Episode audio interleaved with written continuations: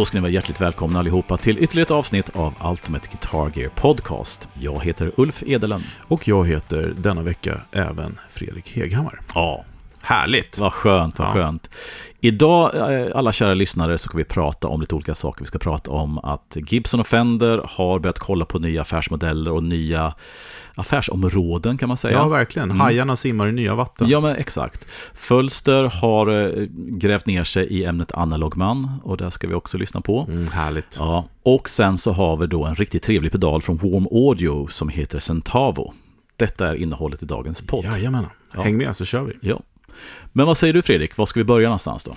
Nej, men alltså det här, eh, det kanske inte har undgått någon. Eh, och, men Gibson Mm. har ju på senare åren eh, utvecklat sig väldigt mycket, kan man Mm. säga.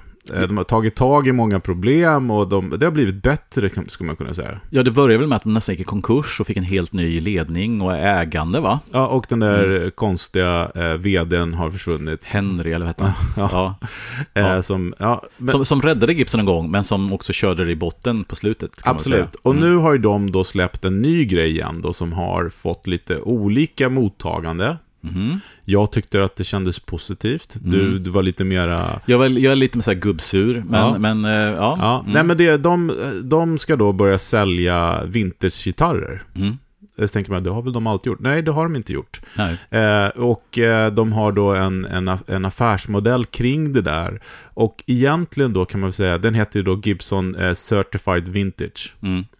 Eh, som eh, i stort går ut på att du kommer då, om du har en vintagegitarr så kan du skicka den till Gibson och de verifierar den och certifierar den och säljer den åt dig, Mm. helt enkelt. Eh, och då tänkte jag när jag läste det, eh, att vilken bra tjänst, för det där är ju ett problem. Mm. Det är ju ett problem med att, vad är det man brukar säga, att utav de 1800 byggda eh, Les Paul-burstarna så känner vi till 2500. Ja, men typ. Något sånt. Ja, ja, ja. ja. Eh, nej, men att det är mycket fuffens där ute. Mm. Det, det, det var det första jag tänkte på. Mm. Sen så jobbade jag ju själv också med affärsutveckling och sånt. Så, att, så Mm. tänkte jag så här, fy fan vad smart, nu syr de ihop påsen. För att Mm. i och med den grejen Mm. så har de ett fullt ekosystem.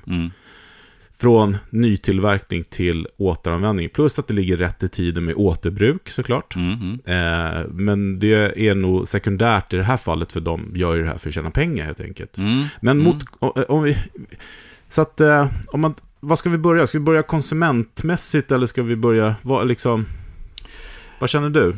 Ja, alltså...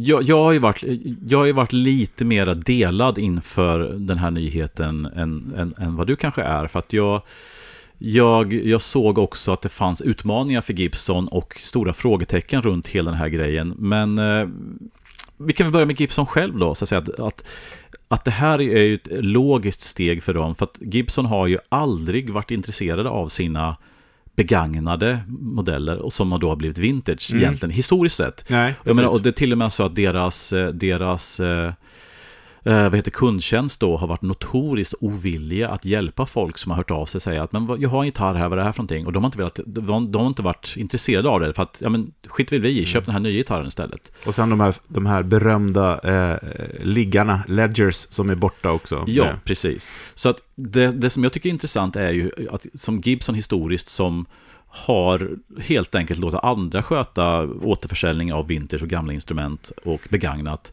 Har nu, jag vet inte varför de gör det här riktigt, men jag kan tänka mig att de ser att det finns en marknad.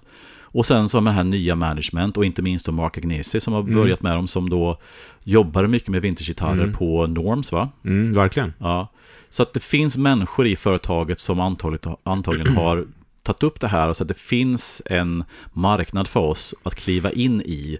Och att både tjäna pengar men också att få mer cred. Att, att ta vara på vårt brand mer än vad vi har gjort. Ja, och, och det som jag tycker är spännande, det är när man tittar på, för det här kan man säga, det är en väldigt innovativ lösning för den branschen. Det har inte, det, vi har inte sett det här riktigt än, men om man då tittar åt andra hållet på bilbranschen, Mm.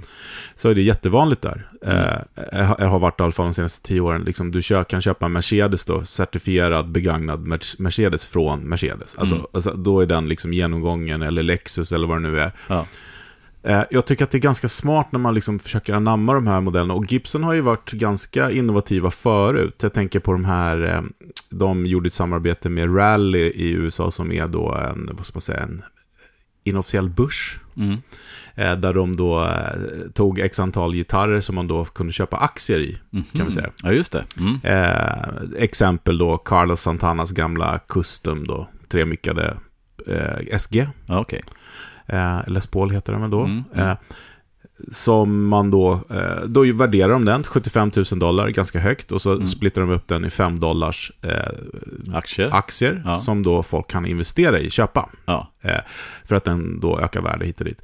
Nu har ju den då, är, är det många som har sålt sina aktier där i, så att den har ett lägre värde varje aktie nu. Okej, men, ja. men som sagt var, ändå, det är ändå nya sätt att titta på hur man liksom ska skapa en affär. Mm, mm, Och det här, så har vi sett dem kom med Modshop, mm. eh, till exempel, som är, är ganska coolt. Att de tar då, ja det kan vara gitarrer som har funnits hos dem på lagret hur länge som helst, som har varit trasiga eller någonting som de Mm. har satt ihop och de har gjort en, eh, eh, ja vad heter det där, eh, Sting, Sting, Stinger. Stinger till Ja. exempel, eller de har bytt rattar. Och ganska coola gitarrer faktiskt som Mm. de sätter upp där.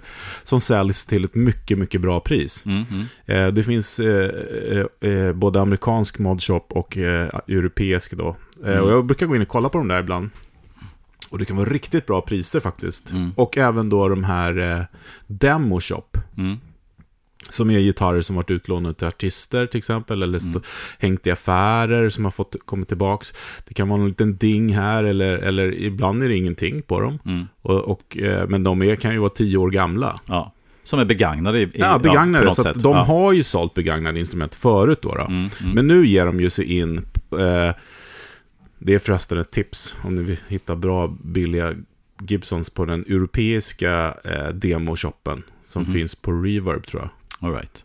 Alltså, ryck... alltså superbra priser. Och eftersom Mm. det, det, den ligger i Amsterdam så är det tull och moms inbakat. Jo, för det du säger nu tycker jag, det, det tycker jag är bara, de, dels att de då återvinner och de modifierar när det behövs och man fräschar upp och sen säljer man dem till inte jättemycket pengar. Det, det, är, liksom, det är någonting som jag har inga som helst Nej. någonting emot. Eh, det, jag, det jag är lite mer tveksam emot är den här vintage, den här certified vintage-grejen. Ja, men jag fattar det. Ja. Men, men jag, men jag skulle komma det till Mm. lite grann att, att då ser ju de i en affär då att de här gitarrerna då som, som är, jag tror de som de hade nu med när de lanserade det här var ju en Burst, en 335, Mm. En Eh. junior och en modern va? En sån här 82 modern eh, som ser ut som en blandning av ett V och... Ja, exakt. Ja, mm. Som var helt mint. Liksom, som Ja. Det är gitarrer från deras Walter, så det är Mm. deras gitarrer de har sålt nu. Mm. De gitarrerna betingar ett sånt pris att det är ju liksom... Det finns en poäng då med att de går via Gibson kan jag tycka. För Mm. att verkligen säga, ja men här är liksom, den är, den är på riktigt. Mm. Om du ska betala 4,5 miljon för den här, Mm. så kan du då välja att gå till Halkan och få den verifierad. Mm. Eller Groons Guitars kanske om vi ska säga. Mm. Nashvilles Halkan. Mm. Eh, nu var jag snäll mot Halkan. Eh, eller dum mot Groons. Nej, nej jag skojar bara. Eh, men, Eller tvärtom. Eh, eller tvärtom. Eh, men, eller så går du till Gibson. Och det säger sig självt, Mm. tycker jag, vem man skulle lita mest på. Nej, det, det, det. Ja, jo, men, ja, men Ja, jag tror ja, var, ja. var, de flesta tänker så. Ja. Och- Köper jag en bil av Mercedes, ja. det känns ju bättre än att köpa en uh, av någon som kommer med tofflor och gympabrallor. Absolut. Ja, Men men, det- varför tänker du annorlunda om Därför gitarrer? att, därför att alltså bil, bilhandlare har ju av hävd i alla tider haft begagnade varianter av sina bilar till salu som ett alternativ till nya Ja. bilar. Du, du kan köpa en begagnad Mercedes, en begagnad Mm.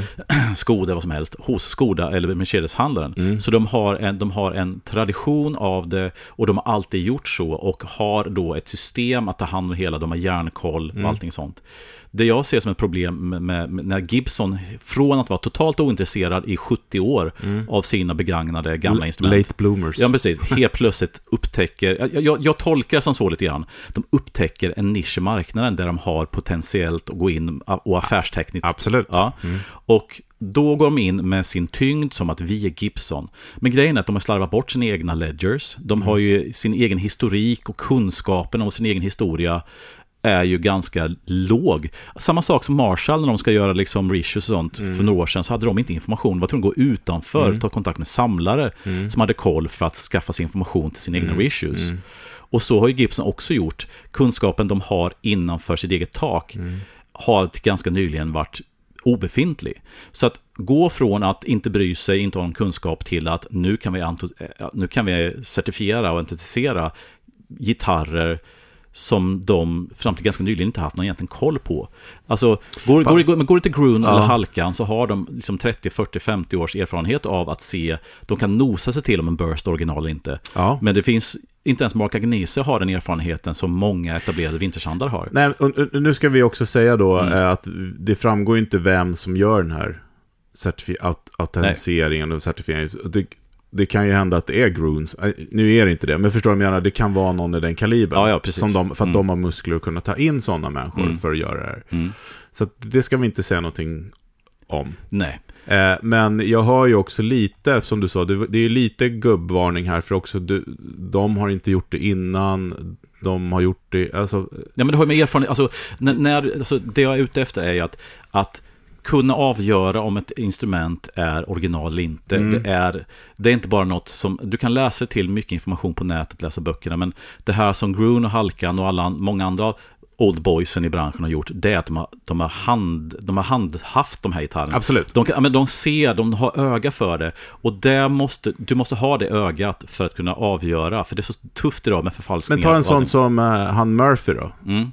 Du inte anse att han har kompetens? Det har jag ingen aning. Han har kompetens att åldra grejer, men jag är inte säker på att han kan... Jag tänker att han har utgått från dem när han har gjort sina... Skitsamma. Ja, ja. De kan ju skaffa sig lätt den här kompetensen. Så jag tror inte att det är det som är... Det, det är inte det som är den trånga sektorn, tror jag. Eh, De, de skulle kunna köpa Groons och låta dem göra det, till exempel. Om, Ja, om, man, om man nu vill det. Ja, alltså, för att det exakt. ska vara ett statement, eller nu tar Ja. vi in den här hit och dit. Mm. Men det som jag ändå tycker är, är coolt med det, det är att det är liksom, det är, de kommer med så lifetime warranty-grejer, alltså det är försäkringar, det är sådana saker. Och lyssna på den här. Mm. De kan även låta då Murphy Lab göra en exakt kopia utav en burst till exempel. Mhm. Det är coolt. Så att du får den Ja. med också. Så att du, den kan du ha och spela på medan den andra ligger i kassaskåpet. Men det är coolt. Låter hemskt i och för sig, men Ja. ni fattar ju vad jag menar. Ja. Det, finns, det finns massa fördelar. Ja, ja och jag menar, sen är jag också- sen, had, had, lite grann som det här Mercedes som alltid har sålt Mercedes, begagnat Mercedes. Hade de varit, det jag känner, det är något, något, det här med hur ärligt och hur liksom de har inte brytt sig om sin historia, hur plötsligt gör de det? Jag, tycker det finns, det, det, skorr, det är någonting som skorrar i hela upplägget. Det, det, det, det de får till att nu kan du köpa en, äh, en certifierad, autentisk vintersgura från oss och vi går i god för den. Men det de egentligen säger är att vi kan tjäna lite mer pengar på dig med att göra det här. Med att sälja, du säljer certifikatet. Och, och risken jag kan se är att om de inte har hyrt in Grun eller någon annan som är lika duktig som de här värstingarna så kan det sippra igenom en hel del felaktigheter till och med förfalskningar om de inte har den kollen. Och då sätter de alltså certifierad på en gitarr. Ja, men det är som Beauty of the Burst. Det finns några Max Les Paul där ryktas det om. Och jag menar, och sätter du då liksom... Han ju- har ju gått bort nu Ja, ja, också, exakt. Ja. Peter Max Burnett. Ehm, Rest in peace. yes. Men, men så det, det finns också en fara i att du inte, om, om, om du, okej, vi autentiserar och vi certifierar, men om du inte har s- hy, hyperhjärnkoll så kommer det vara så att det finns risk för att de Ja men det här är certifierad från Gibson, ja men jag ser att det här är inte original. Ja, Ja men- den är certifierad, då är den certifierad. Att det finns Ja, men jag felaktigheter fattar, jag som kan bli men, förstärkta. men om vi förutsätter att de verkligen kan göra en korrekt eh, autentifiering. Ja. Ser man det? Autentisering. Autentisering va? Jag. Autentisering. Ja, jag ja. bara försöker blanda Whatever. ihop det. Ja, Ja. Skitsamma. Ja. Eh, de har kompetensen och allting sånt. Mm. Eh, tycker du, förutom det då, Mm. tycker du att det är, är, är, känns det bättre, skulle det kännas bättre då? Eller tycker du fortfarande att det är liksom så här, storbolagen ska... Nej, nej, nej, alltså, det, det finns, nej, jag, jag, alltså, För, Mm. för nästan alla andra handlare har ju liksom Joakim von Anka-upplägget där, att eh, garantin försvinner när du går ut genom dörren, Ja, eller, vad, ja. eller vad han nu brukar säga. Nej, jag, alltså, nej men jag, jag, jag, alltså att, att storfinanserna går in och gör sånt det är inte det egentligen som jag har issues med, utan dels är liksom hur pass, hur pass glad, alltså, för det här, alltså vintagemarknaden är ju lika mycket känslor, en, en community som inte egentligen handlar om konsumtion, utan för jag menar, att köpa ett vintageinstrument är oftast att du lär dig väldigt mycket om ett instrument för att veta vad det är du köper. Mm. Och under, under den här processen som du håller på, med, inte minst du och jag håller på med det. Ja. Innan man köper någonting så vill jag veta vad det är jag köper, så, jag, så att det inte blir någon, någon fel och sånt, så man lär sig massa saker. Och det är ju den vägen fram tills man kanske köper ett instrument som är det egentligen det roliga med vintageinstrument. Om man då tar bort den och sen, jag har stålarna, här är Gibson, ge mig en gitarr, certifikat, pang. Då har du inte lärt Du har ju bara liksom nej, köpt nej, jag, en jag, grej. Jag liksom. fattar, men det är mm. också, vi romantiserar ju kring det här väldigt, väldigt mycket eh, såklart, eftersom det är vår passion. Ja, men det är, alltså, vintageinstrument är ju bara passion egentligen. Eh, eh, de låter väldigt bra också. Ja.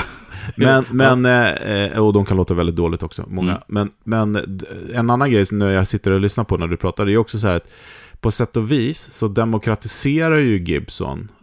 De gör ju motsatsen, men det blir ju liksom för att idag så är det få förunnat att ens komma i kontakt med sådana här instrument. För mm. det är verkligen en liten klick människor i hela världen som håller på. Mm. Det är inte många. Mm. Och den är du fan inte inbjuden i om du inte har pengarna eller en sån gitarr. Jo, men det är samma sak här. Att... Nu kan du ju faktiskt, ja. Eh, Kalle Svensson kan åka till Nashville, gå på, för det här är ju också kopplat till deras, deras flagship store i mm. Nashville som heter Garage, Gibson Garage. Mm. Du kan åka dit, testa en gitarr och de löser finansieringen åt Alltså du kan köpa den på krita. Mm. Mm. Det kan du inte göra hos Anders Andersson, höll jag på att säga. Nu ska ja. vi inte blanda in honom Nej, här, men, men, men, det här med att, att en demokratiseringsprocess är ju... Jag, jag, jag, jag, förstår vad du menar, men det är en demokrati, demokratiseringsprocess för de som har skitmycket pengar. Ja, alltså nu, nu för nu också det, ja. förutsätter vi att det här är, eller jag förutsätter, ska jag säga, mm. jag ska inte lägga orden i munnen på dig, att det här är för de riktigt dyra gitarrerna. Mm. Men vem vet, det kanske kommer, jag har sett diskussioner var kommer det här vara på Nor Norlin-era-gitarrerna också? Det tror jag, det snackas om. Som kostar 20 000 hit och dit. Ja. Och då, då, blir det ju liksom, det blir ju eh, ja, vintage guitars. Ja. Eller, ja, precis. Men om man säger så här Second hand music ja. som låg på Götgatan. Ja. Men om man säger så här då, om, om vi säger att Gibson då, nu har de bara sålt fem gitarrer och vi vet, har ingen aning om hur pass mycket gitarrer som kommer gå genom det här programmet och mm. vi har inte sett så mycket om det än, men de måste ju få tag i gitarrer och men det finns en väldigt stor worldwide fungerande vintagemarknad som går mellan dealers och mm. samlare och sånt. Mm. För att de ska få tag i instrument så kanske de måste köpa dem för marknadspris. Och sen så måste de tjäna pengar. Vad innebär det? Lägger de på 20% Kommer det ett certifikat kosta dig 20% mer på en vintagegitarr bara för fast... att det går via dem? Det är det som alltså, hur, ja, ja, fast det är ju likadant om du kontaktar Groons. Eller, eller Halkan, han tar ju också en katt. Jo, jo precis, men att... Men, de, alltså, men jag, tror, jag, tror, jag, tror, att, eh, för det första så har de ju massa gitarrer i, i sitt Volt där. Ja, har, har de det verkligen? Ja, men tydligen. Ja, men okay. det kommer ju ta slut så småningom. Men jag tror att det kommer handla mycket om kommission där också. Ja, i och för sig. Att, ja. jag, jag har en Burst Accelerant eh, och så säger, säger köparen i Kina säger så här, ja, ah, jag köper den men det måste vara certifierad av Gibson. Så, mm. så tror jag att det kommer kunna bli i framtiden. Om ja. det här nu flyger. Det, det, kan ju floppa också, det vet vi inte. Ja, precis. Då kommer det vara så här, ja men handlare, framförallt in, investeringshandlare, mm. kommer vilja ha dem, eh, tror jag, eh, autentifierade utav Gibson. Det, ja. Jag tror det. Och de kommer inte bry sig om om det kostar 20% mer och Nej. köper dem för 20% mer för att få det här certifikatet. Så, så i, i, realiteten kommer det vara så att du köper certifikatet för lite mer pengar. Mm. Eh, till skillnad från Groon eller någon annan så får du inte certifikat, men du får något annat som då kanske Gibson men du, inte har. Ja. Du, är, du är inne lite grann på klockor också. Mm. Hur, hur funkar det där? Med certifiering och sånt.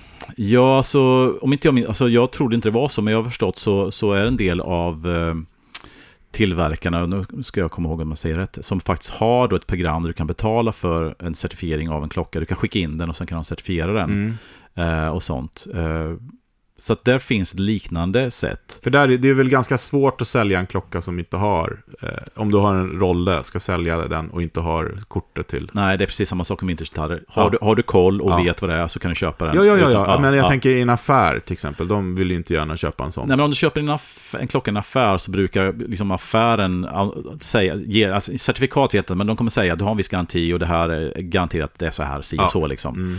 Eh, jag tror det är exakt samma sak som gitarrer där. Um, men det som inte, vad jag vet så säljer då inte några stora klocktillverkare begagnat. De säljer inte, de, de kan ta in och, och uh, de kan fixa, alltså du vet, serva och sånt. Men Mm. de har inte gjort den vägen som Gibson går nu, att de säljer de begagnade också. Däremot så ser man erkända urhandlare då, framförallt i Stockholm, som säljer high-end klockor, Mm. som har en liten bäggad hylla. Det har de inte haft förrän fram till några år sedan. Ja, men det återbruk, om man får kalla det, eller Ja. ekosystem, det gillar man ju. Och den tanken är ju hur bra som helst Ja. kring det också. Sen tänker jag rent marknadsföringsmässigt såklart, folk kommer vilja åka till äh, Gibson Garage Mm. för att testa de här grejerna. Mm, För att mm. man kan vara spekulant. Alltså det, det Ja. finns många fördelar med det. Mm. Men jag förstår också eh, vad som smakar illa lite grann då, eh, utifrån ditt eh, håll. Eh, och framförallt att man eh, eh, pissar ju lite på småhandlarna.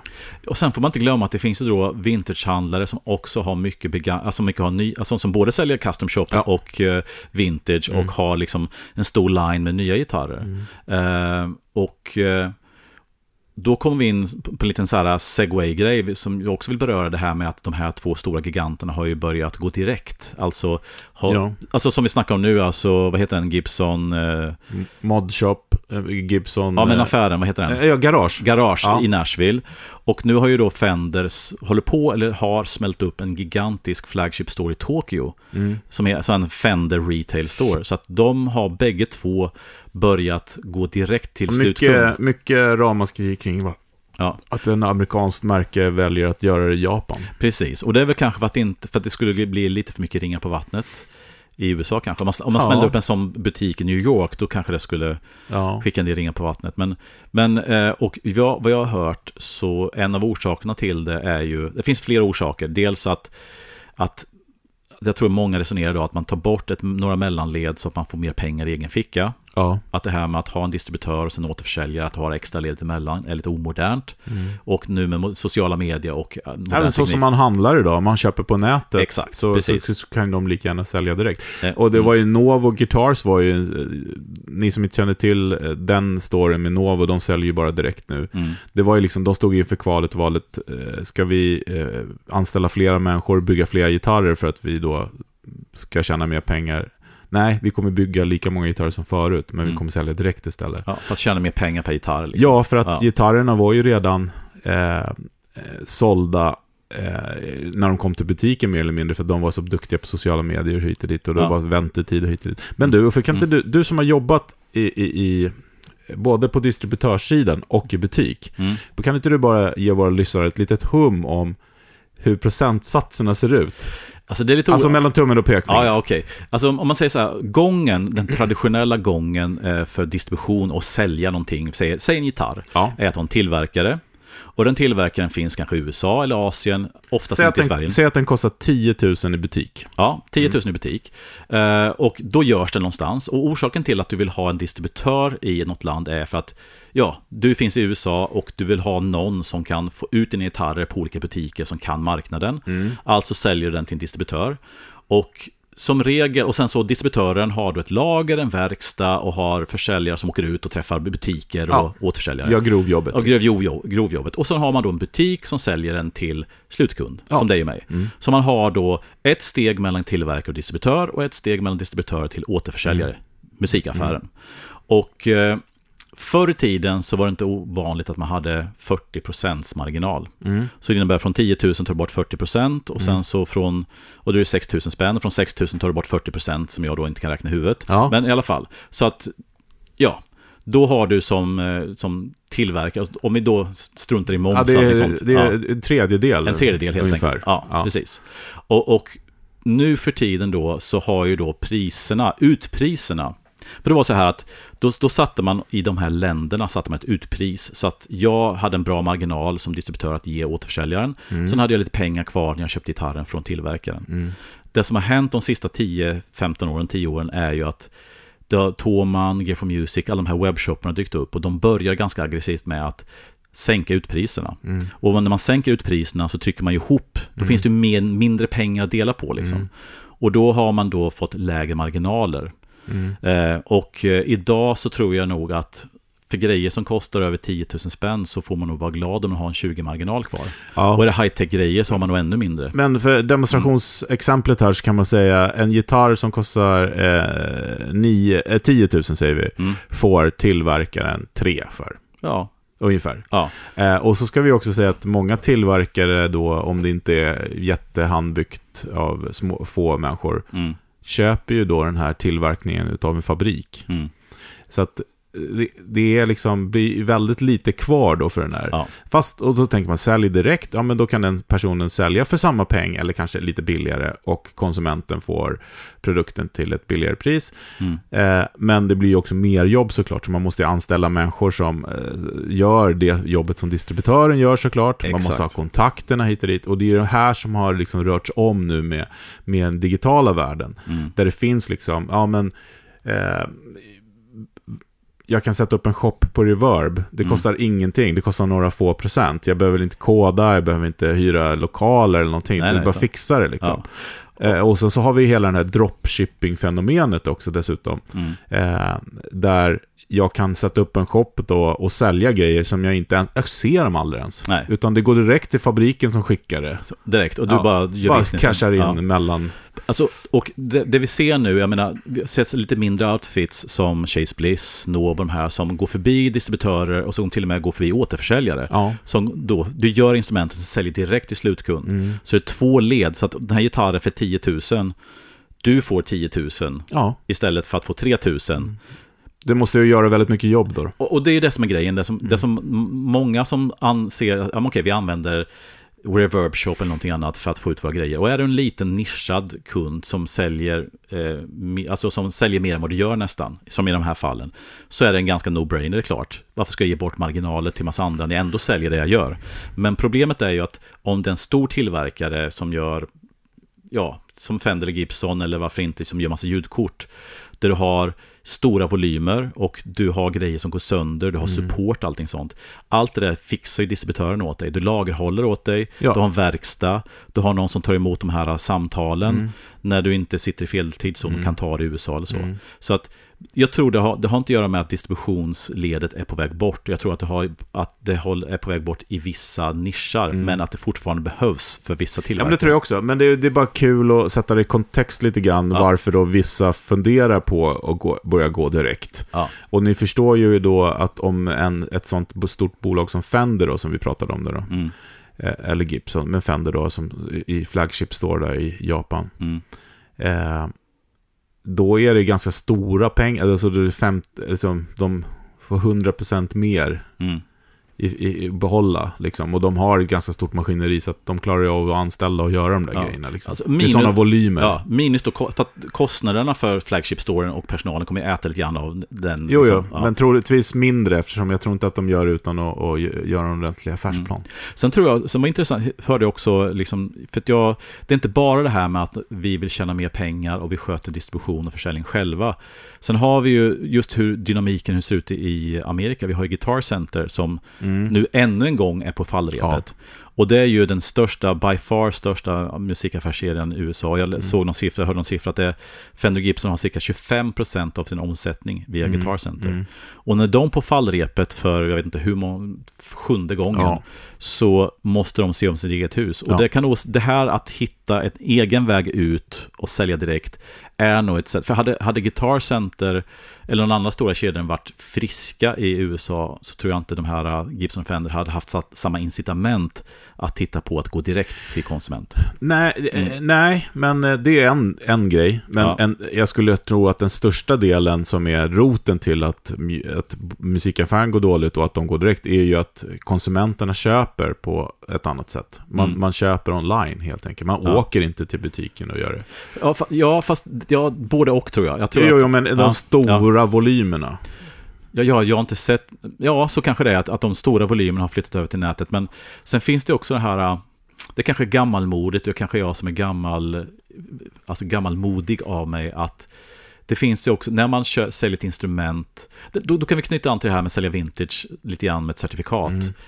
Det saknar lite grann hjärta och köpa instrument över webben saknar också lite hjärta. Alltså, det finns en community som gitarrist, alltså, som har flyttat Ja, ja, över till ja, ja, sociala ja. medier, Ja, men ja. som, som förr i tiden, du träffade folk på musikaffären. Men bara som när vi går på These 211, eller som jag var nere i Malmö på Malmö musikaffär. Man träffar folk, och helt plötsligt står man och snackar en halvtimme. Ja, ja nej, men jag, jag, säger, jag säger Ja. ingenting om det, men jag säger Mm. bara att eh, eh, är alla andra genrer där vi konsumerar så går det åt näthandel mer och mer och mer och mer. Det är klart att det påverkar även det här. Absolut, absolut. Och då pratar inte jag om sådana kufar som dig och mig som vill gå och känna och klämma och... Fast, ja, och det, du har ju helt rätt i det, att sättet att konsumera ändrar sig. Men det jag fortfarande hävdar är att, att köpa ett instrument är inte som att köpa en, en hårtork eller köpa en diskmaskin, utan när du köper ett instrument, även om det har gått över till ett nytt sätt att konsumera på, så köper du även någonting annat med instrumentet. För Ja, det represen- absolut. Det är en dröm, det är kreativitet, det är ett samhörighet med någonting. Så att jag tror att ha en community rent fysiskt tillhör själva genren av produkt. Men det, det- att men, att det, men, ja. det, men det är därför de har Gibson Garage. Ja, jo, alltså, Så de, de har tänkt till här. De, Mm.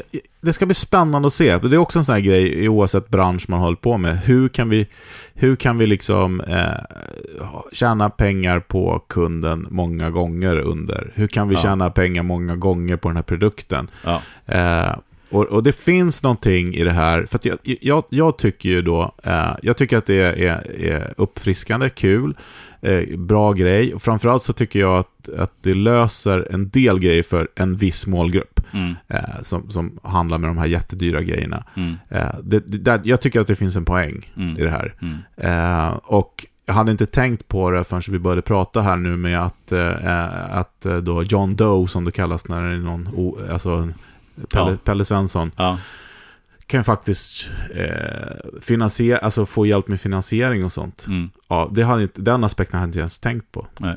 Eh, för det kan man ju oftast inte få av en vin- vintagehandlare, då är det show me the money liksom. ja, men så är det ju oftast. Ja. Eh, av, av förklarliga skäl. Ja. Och den biten är som sagt jag, jag tror att, att, att modernisera hela hanterandet av vintageinstrument är säkert bra. Eh, men jag tror också man måste bejaka att ett instrument, oavsett är vintage eller en Squire Strata för 3000 spänn, där du gör att, att det är inte en produkt som du, du kan sälja på samma sätt som du säljer kylskåp. Men det är så mycket annat, som du säger, om man ska då vinna, alltså få fler försäljning, att få strängförsäljning, få den här människan att känna, åh, jag fick så bra bemöta så nu kommer jag köpa någonting annat. Den typen av känsla får man ju lättare när man har ett, ett fysiskt möte och inte köper på webbshop. Så jag, menar, jag, jag menar att det kan fortfarande finnas ett stort behov av butiker även om mycket flyttar ut på nätet. Och det, det visar ja, ja, 100 procent. Jag Ja. tror showroom kommer eh, liksom, man har ett, ett litet mysigt trevligt showroom och så har man eh, ett lager någon annanstans. Ja. Eh, till exempel. Men det är svårt, eh, och vi har pratat om förut med köpa på nätet, det, vi tycker det, vi skulle inte, kanske inte kunna köpa en gitarr. Men det finns vissa märken, PRS Ja. till exempel, skulle Ja. du skulle lätt kunna köpa på nätet. Eller Ja. Exotic eller, eller Sör eller någonting Mm, sånt. mm. Eh, Men, men det, är, det, är, det är ett annat program, höll jag på. Ja. Men jag tycker att det ska bli spännande att följa det här. Ja, men verkligen. Och det kan ju också vara så att, att, att både liksom garaget och flagship storen i Tokyo inte är början på en kedja med Fender Gibson-butiker, utan det kanske är så att de ska vara de här flugfångarna och sen går folk dit och sen så går de kanske någon annanstans och köper gitarren. Att den inte är för att egentligen sno, business från de vanliga musikaffärerna utan kanske för att hjälpa till med business. Eller så försöker de göra Apple Store-grejen Ja. rakt av. Ja, så kan det vara. Ja. Ja, För de intressant. gjorde ju så, de hade ju sin flagship store i, på ett, några få locations. Mm. Och nu är det väl i varenda centrum, höll på. Nej, det är det inte. Det är faktiskt fortfarande inte på så många ställen. Mm, mm. Eh, ja, ja, spännande tycker jag. Ja, exakt. Och, och eh, heja Gibson som eh, försöker utveckla sig. Ja, även om jag är skeptisk. Lägg lite fokus på instrumenten också. Eller hur? Jag bara. Nej, men det tycker jag, där har de shapat upp sig ja. faktiskt. Ja, men få, få, få, det, få ihop det, få det rätt, så Ja, det blir rätt. ja. Så inte ens sig i foten eller någonting. Bra. Coolt, apropå skjuta sig i foten. Eh, Okej. Uh, segwayarnas segway. men vi ska helt enkelt till södern, va? Vi ska till södern, det ska Ja. vi. Vi ska Ja. till Fölster. Ja. Ja, Hej på dig. Hej.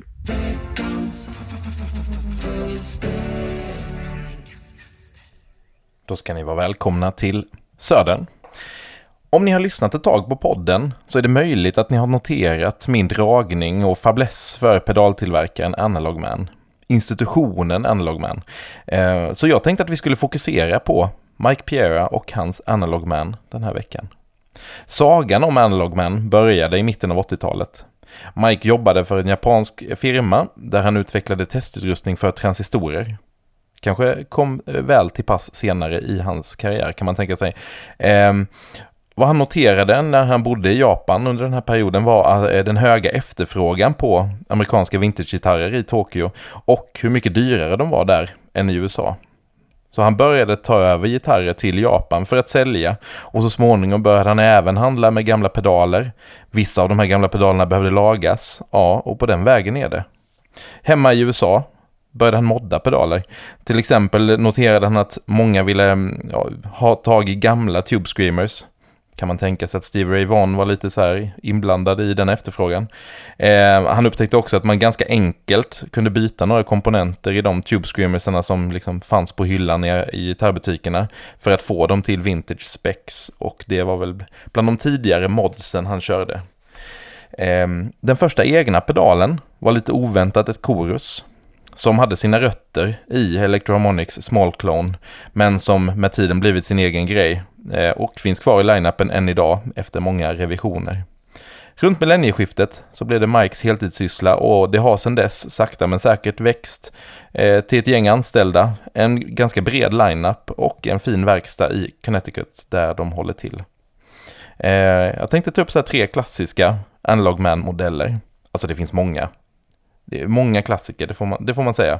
Eh, och så är jag lite biased kanske för att jag gillar det här då, men, men till exempel Comprossorn, den var jobbig att säga.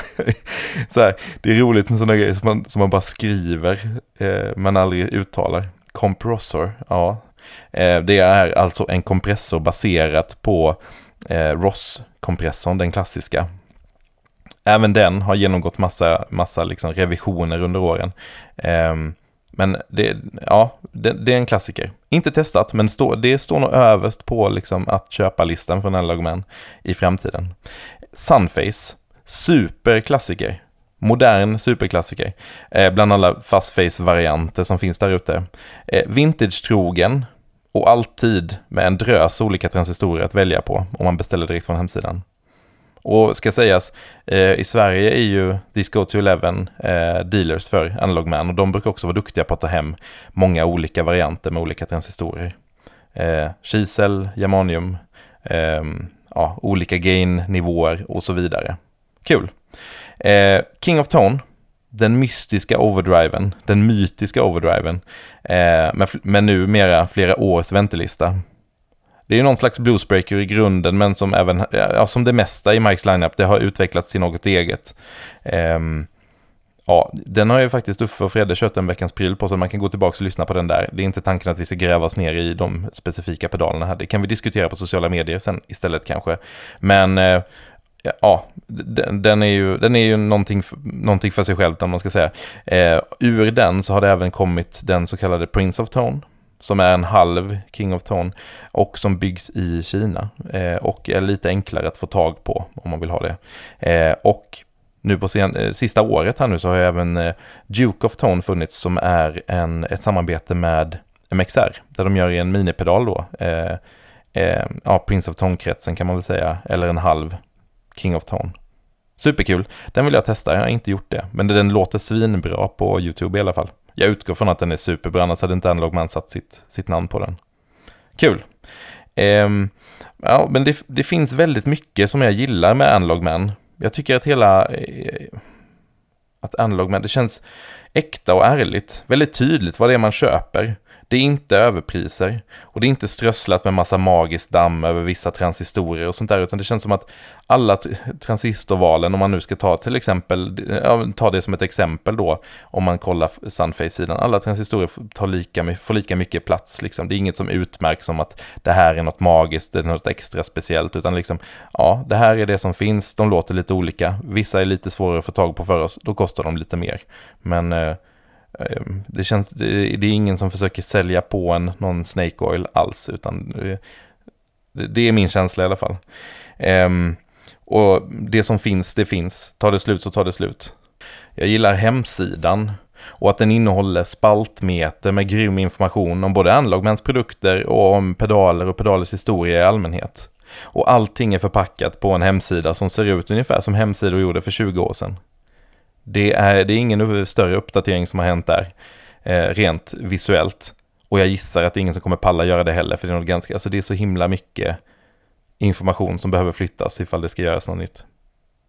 Kanske något för dig Fredde? Fast nej, du, Fredde, du ska inte alls in där, för jag gillar ju att det ser ut så här. Det, är också, det hör också till det här liksom autentiska och lite ärliga. Det är ingen som behöver göra en flashig hemsida för att sälja mer, utan det räcker med att informationen finns där, det är där värdet finns. Och jag gillar alla valmöjligheter man har när man beställer. Eh, man kan välja kanske eh, top-mounted jacks eller jack på sidorna. Ja men allting är liksom, nästan allting är built to order. Eh, färg på, på dioden, om det ska vara diod överhuvudtaget. Om det ska vara 9 volts jack på fassarna eller inte. Eh, och så vidare och så vidare. Många pedaler har många fler valmöjligheter än bara det där. Eh, jag gillar att man alltid får svar på alla frågor på mail eller på DM och alltid bra bemötande. Och jag gillar att de fortfarande gör moddar på till exempel MXR-pedaler, Boss-pedaler. Eh, ja, till viss del Boss-pedaler för att Boss börjar glida över mot så här Surface Mount Components. Då är det svårt för dem att modda. Eh, och reparera gammalt också. Kanske inte aktuellt för oss att skicka till USA för att reparera. Då tänker jag det finns ju bättre i närområdet. Men för amerikaner, smidigt.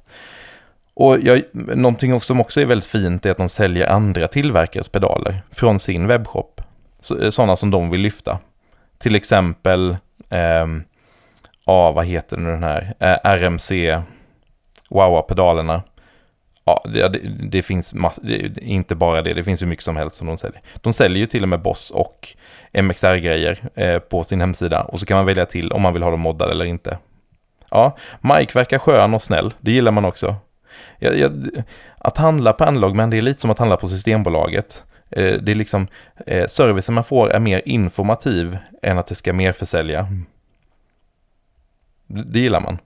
Och ja, jag skulle fan säga det är en institution. Och väldigt olik många andra eh, tillverkare och byggare i den här, nu för tiden väldigt trånga pedalbranschen. Det finns väl antagligen mycket mer att säga om Analog Man, men det kan vi ta en annan gång. Eh, så ni som lyssnar då, och Fredrik Uffe, berätta om era Unlogman-favoriter. Och eh, har jag liksom har jag, vad ska man säga, har jag, är jag lite för eh, kär i Unlogman? Eller eh, känner ni också att det finns något liksom, det finns något äkta och lite old school i det här som är, som är jävligt härligt? Ja, vi kan väl snacka om det på sociala medier. Vi finns ju på YouTube, Podbean, Instagram, Facebook. Jajamän. Så hörs vi nästa vecka. Har det gått på er? Ja, Fredrik Fölster, det, det här är ju Analog Man. Mm. Precis. Ja. Eh, och du har helt rätt Fölster. Jag ska inte hjälpa Analog Man att göra om hans webbsida. Den är ju för härlig som den är. Ja, den är blivit vintage. Den, den är ja. precis som att du ska inte lacka om en gammal strata. Jag kan få tillbaka den här, Jag ska faktiskt gå in på den efter vi har spelat in nu. För att eh, varje gång, de få gångerna jag går in på den ska jag säga, mm, mm. nu för tiden. Men då får jag tillbaka den här känslan. Jag, kom, jag kommer ihåg första gången jag gick in på den webbsidan. Ja, och redan då kändes den gammal. Ja. För 15-20 ja. år sedan. Att det här, vad fan, kom igen nu liksom. Det var, var känslan då. Det liksom. var den, ja. och så var det den här, han, den här japanska, äh, amerikanen som bodde i Japan som hade massa dumbbell. Ja, just det. Kommer du ihåg det? Vad hette han? Bill, uh, Bill någonting Åh, hette han. vad hette han? Ja. In, ja. Men, men, du vet, ja, vet, du vet, vet. den sidan var också lite grann sådär. Ja, det var, ju, det var genom den jag drog, la ihop 2-2 för eh, Tommy. Ja, exakt. Ja, precis. eh, men Analogman, mm. eh, vilken kille. Eh, han har verkligen gjort en livsgärning och fått saker och ting att låta bra. Och som sagt var, det börjar ju med hans moddar där. För så har redan dragit historien, det behöver inte göra. Men Nej. jag kom i kontakt... Eh, alltså jag vill minnas att du och jag köpte hem våra samtidigt. Men är det, var det inte så? Det är en bra fråga faktiskt. För, undrar om inte, eller i anslutning till om inte annat. För att vi fick väl en, var det genom Harry eller var det till och med Andreas? Någon av eh, Custom Sounds så fick vi väl låna en, var det inte så att vi lånade eller köpa en Sunface? En tidig. Som vi skulle testa och så gjorde vi ju en test för vår sida och för FASS va? Var det inte så? Jo. Ja. Men FASS the, the Magazine. Du menar att vi fick låna en sån och sen köpte vi efter det? Jag kommer inte ihåg. Eller så var det så att vi jag tror inte vi köpte, jag tror inte vi köpte rätt upp och ner två stycken. Jag tror att vi nog ville testa först. För då var vi ju inte fussnördar på samma sätt. Nej, verkligen man, man köpte, inte. Man köpte, man köpte inte fuss bara sådär som man gör idag. Ja, fast, fast det var ju, jag kommer ihåg den tidseran. Det här, vi pratar ju då eh, 2000 då. Ja, tidigt 2000-tal. Eh, att det var ju, vi var ju, du och jag var ju inte jättefan av Fulltone. Nej. Och det var ju Mm. bara de två som fanns mer Ja. eller mindre. Det var ju liksom Ja analog man och eh, Fulltone. Men det var ju faktiskt med Sunfacen, oavsett om det var den jag köpte eller den du köpte eller den vi lånade, så var det ju faktiskt första gången som jag fick den här aha-känslan av att okej, nu fattar jag varför alla snackar om fussar. För det var ju, i och med att det är en germaniumfuss, de första de gjorde, som var en väldigt lik en, en fastface, är ju, då fick man det här när man drog ner volymen, så fick man Ja. det här sprilliga klara Mm.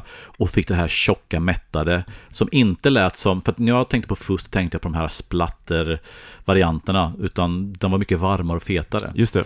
Så Eh, att då var det så här, aha, okej, det här ska vi ja, kolla men närmare på. hur som i alla fall så Mm. köpte vi hem varsin Mm. eh, eh, White Dot Ja, High Gain White Dot tror jag det var. Och, med Sundial Ja, och nu snackar vi alltså om den här äh, transistor. tri- transistorn då, Mm. som är en germaniumtransistor och som heter NKT 275 va? Yes.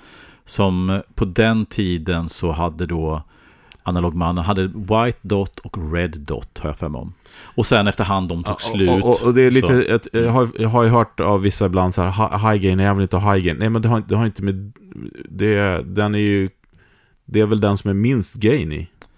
Det har inte med att den är high gain, Ja, men hade, den hade nog mer är det att den gain- inte ja. klarar mer gain? Jag vet inte hur det är, men de- den har inte, jag, jag har ju lyssnat på andra analogmanfussar som har betydligt mer gain än Mm. Ja. vad just white dotten har. Ja, men jag tror, att, jag tror att där det var var nog att en white dot hade mindre gain och någon white dot hade mer gain. Fast det Mm. var inte jättebrutal mycket gain, men det Ja. var mer gain än ena än den andra. Precis. Jag hade ju två vid tillfälle. Eh, vi hade ju den gamla som jag köpte samtidigt med dig, som Mm. jag har fått för mig att vi gjorde. Mm. Eh, och sen köpte jag ju en likadan till som var top-mounted och dessutom hade dio- lysdiod. Ah, Det har är din va? Nej. Ingen diod. Min, har en sto- men stora, min är från 2003, så den är tidig. Ja. Jag tippar på din är det också. Ja. Och en stor låda med, med jack på sidan. Ehm, och ingen diod. Nej men så tyckte jag att de Mm. inte, jag tyckte att jag fortfarande min gamla, den som jag hade haft länge då, lät bättre. Mm. Men, men att den här var ju mycket smidigare, att man såg att den var på och så Ja, var det ja, top-mounted och så. Ja. Men eh, då öppnade Göran Elmqvist och jag upp dem och så, så höll vi på att justera in och fick dem att låta helt identiska. Ja, just så då sålde jag den andra. Ah, mm. Eh, när jag tyckte att, eh, oj nu fick man bra betalt för den, då fick man Mm. 3000. Ja, Men nu är det väl över 10. över tror jag. 10, Ja. lätt. Ja, det, och det, det är något, det är egentligen ett testamente för hur pass bra hans grejer låter. För att även kotten liksom kostar en ohemul massa pengar och Mm. lite äldre. Och sen har han hållit på så länge så det börjar bli så här, de här lite äldre varianterna med de här, Mm. de här komponenterna som inte finns nu. Så det har blivit en sån grej om det. Men, men, men eh, jag måste säga att, eh, att Fölsters pedalbord som hade väldigt mycket analogman-grejer på sig Mm. lät Ja, riktigt bra. det lät så bra så att jag, jag är inte förvånad för jag vet hur bra de här grejerna låter, men ändå blev jag förvånad. Och framförallt då det som jag tyckte var den här RDX20 delay-pedalen. Jag är ju inte mycket för analoga Bucket Brigade-pedaler för att jag tycker de blir för muddiga. Men den, när han körde det här koruset i loopen, Oh yes. det var ett ljud som, jag ska inte säga att det håller mig vaken på nätterna, men det var verkligen så här att Mm. som man hajade till om hur bra det lät. Mm. Ja, men det är lite Mm. roligt det där, för att eh, jag stendiggar ju eh, Mike. Eh, han är också väldigt flitig på att kommentera och säga tack och sånt när vi pratar om honom i podden, eftersom Mm. vi taggar honom. Så att Mm. all heder för det. Eh, Mm. Men han är ju verkligen så här, känns som en varm local guy, liksom så här, Ja. även om han jobbar globalt. Ja. Men, men jag har inte haft några mer pedaler än Sunface. Nej, jag har haft Sun... Jag tänker att jag har haft någon, nej. Så att vi, nej. Vi, Jättekonstigt. Ja. Eh, För att, men det är nog att det har varit för dyrt har jag tyckt. För, för att jag har tittat på koruspedaler och sådana saker. Och jag tyckte att det har varit lite dyrt. Ja, och sen tycker jag att jag, jag har hittat andra märken som jag tycker passar mig bättre. Men om man ska ha en, en fastface-pedal så är det svårt att slå en sunface faktiskt. Ja, nu finns det ju så Ja. jädra mycket Ja, att ja välja precis. på. Men, ändå, alltså, det, det är inte sämre än någonting annat som finns där ute om man säger så. Det är annorlunda. Nej, nej absolut. Men eh, som sagt var, Fölster då som har två tredjedelar på hans bord är väl eh, liksom... En Beano Boost skulle jag vilja ha. Den, den Mm. var jag väldigt nära att köpa. Mm. Eh, och, och, ja, vem vet? Ja. Men s- sen har det blivit väldigt dyra, det har blivit så dyrt också, det är väl Mm. det som, Mm. nu har jag sagt det flera gånger, men, eh, och det kanske låter konstigt när vi pratar om andra grejer som, jag har betydligt dyrare pedaler än dem. Mm. Men det är väl också att det är, det är så här eh, kött och potatispedaler. Ja, och sen är det, tror jag lite... Man, Som är jävligt bra. ja, och sen tror jag man själv, okej, vad är jag beredd att betala pengar för? Och av någon anledning så kanske inte vi tyckt att... Det är inte det att det inte är värt det, men det... det, det ja, det är någon psykologisk twist där som är lite speciell. Nej, men jag tror också att eh, när Anna Lågman var som mest, alltså eh, när det var lite mer exotiskt än vad, för nu, det är ganska lättillgängligt ändå, Mm. även om det är väntetider och sånt. Mm. Då när vi köpte, kommer jag ihåg, då var det, då mejlade man ju med honom direkt och han svarade och man snackade liksom och, Mm. och såna här grejer. Eh, då var jag inte, hade inte jag så mycket sådana, att man hade väl några korus, men jag kommer ihåg att jag tyckte Mollon-koruset var bättre. Ja, du vet. Ja, ja, ja. Oh, precis som du säger, man hittar andra grejer. Men eh, det är ju någon som, har, han vill man ju verkligen supporta, han är ju en härlig person. Ja, och gör skitbra grejer. Jag har fortfarande, jag kommer svårt att skilja mig från min Sunface som jag haft nu i 20 år faktiskt. Mm. Öppnar upp den och tror det var 2003 som den gjordes någon gång. Mm. Så den firar 20 år. Häftigt. Ja, det en av mina äldsta pedaler faktiskt. Den, Ja, det... till, till och med skriften börjar fejda på den så snart den bara guldig. Det här röda är snart borta liksom. När du sa så Mm. att den var 20 år så tänkte jag så här, eh, ja men, eh, för att han, ja, om man följer honom på Instagram, vilket, eh, vilket jag kan rekommendera att göra, så Mm. han, får, han, han skriver mycket om lagningar. Ja, nu fick jag in den här som har bytt till transistor, lalala. Mm. Jag tänker på det här That Pedal Show-avsnittet när de eh, ska testa det här med vad temperaturen Ja. gör på fussar. för att de skulle prova Benson då som är så här temperatur eh, Ja, ja, eh. När han sitter med hårfönen på sin eh, analog fuss. Och den inte riktigt repar sig efteråt. Nej, just det. Och jag bara, och ser så här, hans, skräcken i hans ögon. Han bara, jag, jag kanske har förstört den här nu. Ja, man, man, ska, man ska inte mecka för mycket med de gamla. Det, det Nej, bara. inte sitta med en sån här värmepistol Nej, på den heller. Ja, det Eh, utmanar ödet. Ja, verkligen. Ja. Usch. Nej, då, då, det Ja. var skräcken i Dans ögon där. Det var ju roligt faktiskt. Ja, nej men som sagt Analog Man är en hjälte och eh, mycket bra produkter och jag blir positivt överraskad varje gång jag hör någon som jag inte hört förut faktiskt. Mm. Coolt! Och prylar ska vi gå vidare med va? Vi ska eh, gå över till eh, ett mytomspunnet eh, ljud eh, i form av en kentaur. Oh, Här veckans kommer pryl veckans pryl. Japp. Veckans pryl. Yes, veckans pryl. Veckans pryl. Ja, vad är det eh, idag? Ja, men vi pratar ju då om Warm Audios, eh, den här Centavo, heter Mm. det. Centavo. Mm. Och det är ju en ganska ordentlig rakt av ripp på en klon, helt enkelt. Ja, Clone Centaur. Den ser ut som en klon. Ja. Eh, Den är stor och guldig och fin. Eh, Den har då en så kallad Jeff Beck-mod också. Oh. Två lägen, så man kan få lite fetare. Jag tror att den är av när den är ner. Det Mm. borde vara logiken. Mm. Men vi, vi kan vi ko- kolla sen, så nu är den av. Så den är, den är egentligen en exakt kopia av en Clone Centaur-pedal i form och färg och allting sånt, utom den lilla switchen på baksidan som går mellan två förinställda lägen. Och att den har vanlig 9 volts uttag. Ah, Halleluja. Det. Ja, inne stickpropp som den här Exakt, originalen hade. precis. Ja, just det. Men, Eh. men i princip är det egentligen en kopia rätt av. va? Ja, Ja. och Warm Audio. Vad har vi på det? In, det har jag inte läst på faktiskt riktigt. Nej, men de har här- gjort eh, liksom prisvärda outboard-enheter. så är det, ja. Alltså, Ja. alltså kopior eller kloner på dyra liksom, outboard-enheter. Mixerbords, preamps och sådana saker. Just det. Det är väl där de har liksom gjort sitt namn. Och nu har de kommit med några olika pedaler. De Mm. har eh, den här eh, Foxtrot-fussen, Mm. eh, Octavia-fussen som är helt galen med så här f- flockad som det heter när det känns som sammet. Okej. Kommer du ihåg när man hade flockade affischer på väggen? Så här Ja, ja, men precis. Självlysande också. Var Ja, ja, visst, visst. ja, Ja. det kommer jag ihåg. Ja. Ja. Mm. Jävligt Oh, 70-tal. exklusiva. eh, det kallas så flocka, det är med statsläkt... Ja, skitsamma. Ja, okej. eh, och så har de en Sendrive. Mhm. Eh, som, som har kommit också. Och så... Hermida som gjordes Ja, exakt. Precis, mm, exakt. Och sen så nu den här klonen då. Jag testade, fick en demo av den här när vi var på det här eh, gitarrcampet. Mm. Mm. Utav, vad hette han, Magnus va? På Fitzpatrick? Ja, Mange. Precis. Ja, precis. Ja. Mm. Eh, Johan skulle ha varit med, men han var hemma och Mm. suk. Mm. Eh, och den, eh, vi tog in den i testrummet och eh, Fredrik Kulle Åkesson eh, körde den här med, in i insulandern med Mm. en PRS Mark Leteri. Okej. Satan, helvete vad bra det lät. Ja. På hög volym förstås. Ja. är alldeles för högt. Ja, ja precis. Nej, och, och grejen är så här att jag har ju, både du och jag har ju ägt klon, Mm. originalkloner. Och sen jag sålde min för 15 år sedan för inga pengar alls. Min sista så har jag egentligen inte brytt mig om designen för att det inte varit där riktigt jag har levt när det gäller vad jag vill få ut av en pedal. Jag, jag har löst det på andra sätt. Mm. Clean boost eller Mm. distribution och sånt. Så att, och efterhand som de originalen gått iväg och så har jag blivit ännu mindre intresserad av det. Så att jag var väl kanske inte så här, ja, en, och sen har man sett så mycket kloner på klonerna liksom, så att när jag såg den här och hörde den här så var jag, ska jag villigt erkänna, ganska måttligt intresserad. Mm. Tills du kopplar in den i vårat, eh, i replikalen in i dina magnetonstärkare och i ditt pedalbord. Och det var verkligen så här, tjena, liksom. Mm, Vad det bra lät det lät. ja. Det lät jättebra. Men kommer du ihåg Mm. att vi hade samma upplevelse med Fölsters, eh, den här eh, från Seriatone? Ja, just Klonen. Det Ja, tyckte just vi också om. Ja, Ja. precis. Så det är nog helt enkelt så att, att eh, grunddesignen från alltså Cent, eh, Clone Centurion, Mm. vad heter den?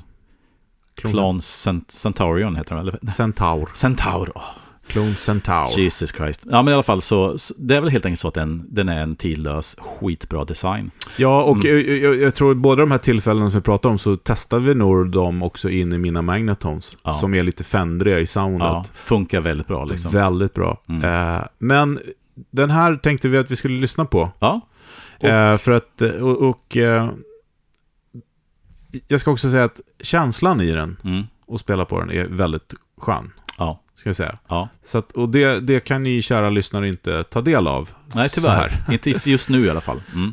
En annan kul grej Mm. är att den är också väldigt prisvärd. Strax över 2000. Det är nästan så att den passar in i Hidden Gems Verkligen. Ja, och vi nämnde den också faktiskt. Att det, nej, alltså för, för vad den kostar och vad, hur den låter, eh, huruvida den kommer nära en original eller inte, det är så långt ifrån. Det enda jag kan tycka är kanske att den, ja, den gamla hade kanske ännu mera detaljrikedom och fetare i basen, men den här är väldigt, väldigt, väldigt nära och för de pengarna så är det ju, ja, löjligt kan man säga. Ja, men faktiskt. Eh, de gör bra grejer helt enkelt. Mm. Nu ska vi köra, vi kör Dreamen. Ja. Universal Audio Dream 65. Precis. Ja. Eh, och den eh, låter så här. Helt enkelt. Och vi kör den berömda tysktelen. Tysktelen. Vi precis. försöker behålla samma gitarr så att vi har någon form av eh, enhetligt när vi testar ljud. Men alltså... Mm. Och nu har vi ställt in den. eh, Det var väl så här som du brukade ha den också, eller hur? Eh, ingen gain. Nej, Och eh, treble rakt upp ungefär va? Ja. Eller lite så kanske? nej, rakt upp. Rakt upp Ja. och volym rakt upp. Typ. Ja. Eh, världens dyraste eh, clean boost. ja, och kanske världens bästa. Ja, men Ja. då ska vi också säga att eh, så som de funkar då, det har Mm. ni kanske koll på kära lyssnare, men det är liksom den här gain-putten är egentligen två puttar. Mm. Så att när man har low gain, eh, eh, när vrider man upp gainen, då vrids liksom det rena ner så att säga. Ah, okej. Så att de bländar i varandra så att säga. Just det, för att få den här snygga övergången. Liksom. Ja, ja. e- exakt. Ja. Eh, fan vad dåligt förklarat, men det, Mm. det är så det funkar helt Ja. enkelt. När jag vrider upp, så vrider, jag, eh, vrider upp gainen så vrids då det rena ljudet ner. All right. Så att full gain, då är det bara, ja, ni fattar. Ja. Nu kör vi i alla fall clean boost då. Så att då Mm. börjar vi med rent ljud då, helt Mm. enkelt. Trycka i. Pa- eh, Klickar av. Nu är den av. Och så gör den så spelar. Spela, så ska vi göra. Ja, Ja, den gör ju precis det där som den är så känd för. Den, flytta fram den flyttar det. fram ljudet och ger den lite mer kropp så att den bara låter lite muskligare och kommer lite längre fram i ljudbilden. Och nu har vi som sagt var ton rakt upp, ingen gain och bara en liten, liten clean boost i volymläget va? Ja, Ja. eh, precis. Och så ska vi titta den här fat-switchen då på bak. Eller Mm. Jeff Beck-modden vad jag förstått att det kallas. Yes. Om du spelar. Ja. Den är av då. då. Mm. Den är av, fortsätt spelas. Vad Ja. kände du där? Av, Ja. på. Lite fetare va? Ja, lite, ja, lite fetare och kanske lite otydligare Mm. kände jag. Lite sägigare. Ja, exakt. Mm. Lite grann. Eh, om vi då kör eh, klockan, eh, vad har, har vi där då på gainen? Klockan nio. Klockan nio. Ja. Testar vi där. Då låta bra. Kanske man vill möta upp med lite mer treble, va? Mm.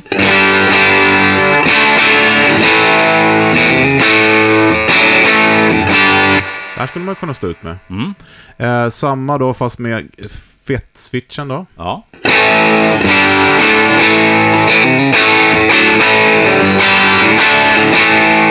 Jag har inte mycket, lika mycket skillnad. Nej, den är väldigt subtil och Ja. det är mycket möjligt att man skulle höra mer när man kör en starkare ut. Men Den så. kanske kommer på gainen. Jag kör Mm. gain klockan 12 också då. All, nu alla står på klockan 12 nu. Nu står alla kontroll på Mm. klockan 12. Och det, eh, Jeff Beck-modden är av. Ja, nu är den i originalläget. Okej. Ja.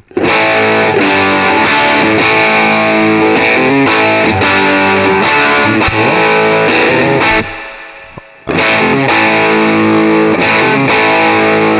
den här lilla switchen gör nästan ingenting liksom. Nej, jag upplever inte heller. Inte i det här i alla fall. Ja. Det är väl kanske Dreamen som sväljer. Ja. Men nu, nu, nu, det intressanta är nu att nu händer det här som jag har haft lite svårt för med eh, originalklonen. Mm. Och är lite grann som den här också. Jag tycker att den här är mycket bättre. Jag tycker faktiskt den här låter bättre med gain än vad faktiskt min originalklon gjorde. Det innebär ju att när man drar upp gainen och man får den här dubbelvolymfunktionen som du snackar om, så tappar man lite, man tappar lite kropp Ja. och midden går upp och helt plötsligt så börjar det låta Tube Screamer. Men Mm. då ska jag testa att dra av lite treble eh, och eh, sätta på den där switchen där. Mm.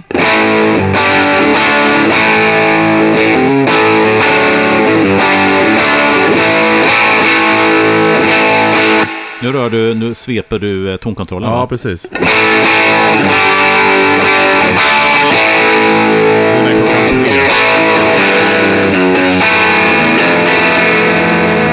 Switchen är på. Stänger av den då. Mm. Mm, alltså jag, om jag får eh, bestämma, Mm.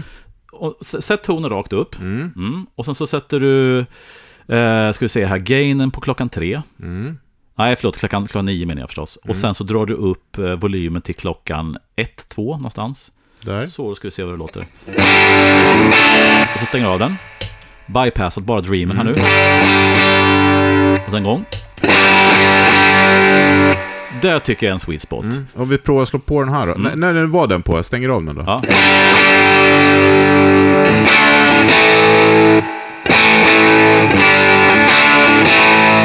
Man hör nästan ingen skillnad. jag har ingen skillnad. Men där tycker jag att där har ett ljud som jag kan leva med alla dagar i veckan. För att när du har gainen fortfarande på, på eh, klockan nio då, alltså rakt Mm. vänsterut, så har inte den här eh, näsan krypit in på samma sätt. Nej. Och sen kompenserar du lite grann då med volymen för att pusha på lite grann. Vi ska In, in i dreamen. testa allt på fullt då en gång. Ja. Nu har vi varje kontroll på fullt.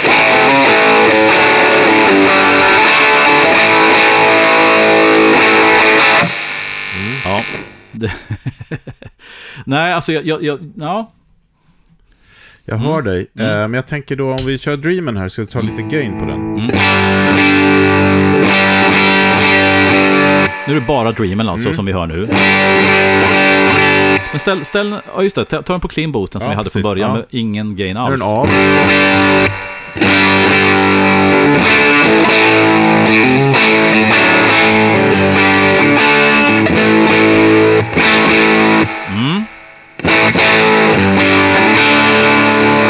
Dra upp lite gain. yes. Ah, och vet du, vad som, vet du vad som händer nu? När du drar upp gainen Mm. så ökar du midden på den. Och det var precis för att när du drog på gainen på, på, på Dreamen så fick du lite det här, alltså när du drog på lite för mycket gain in blackface, att den blir lite så här tung i basen och Mm. Ja, lite suddig. Så när du drar upp gainen på, på eh, warm, warm Audio-pedalen så kompenserar Det är lite samma sak med tube screaming Mm. Ja, in i ja, jag blackface. fattar. så funkar det väldigt bra alltså. Ja.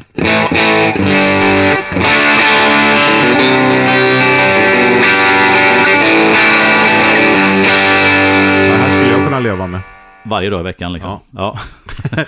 Nej, men den är, den är cool och, och Mm. eh, jag, jag tycker den låter ännu bättre än en riktig förstärkare faktiskt. Eh, Ja. Måste jag säga, eh, upplevelsen. Eh, just det här att det blir skö, det är skönt häng, skön Ja. att spela med. Ja, och, och det är ju det, eh, eh, Centaur-kretsen har ju alltid varit att den, att den ger sån skö, skönt gung och det ger bra, bra, den här lilla, lilla liksom kompressionen i anslaget Mm.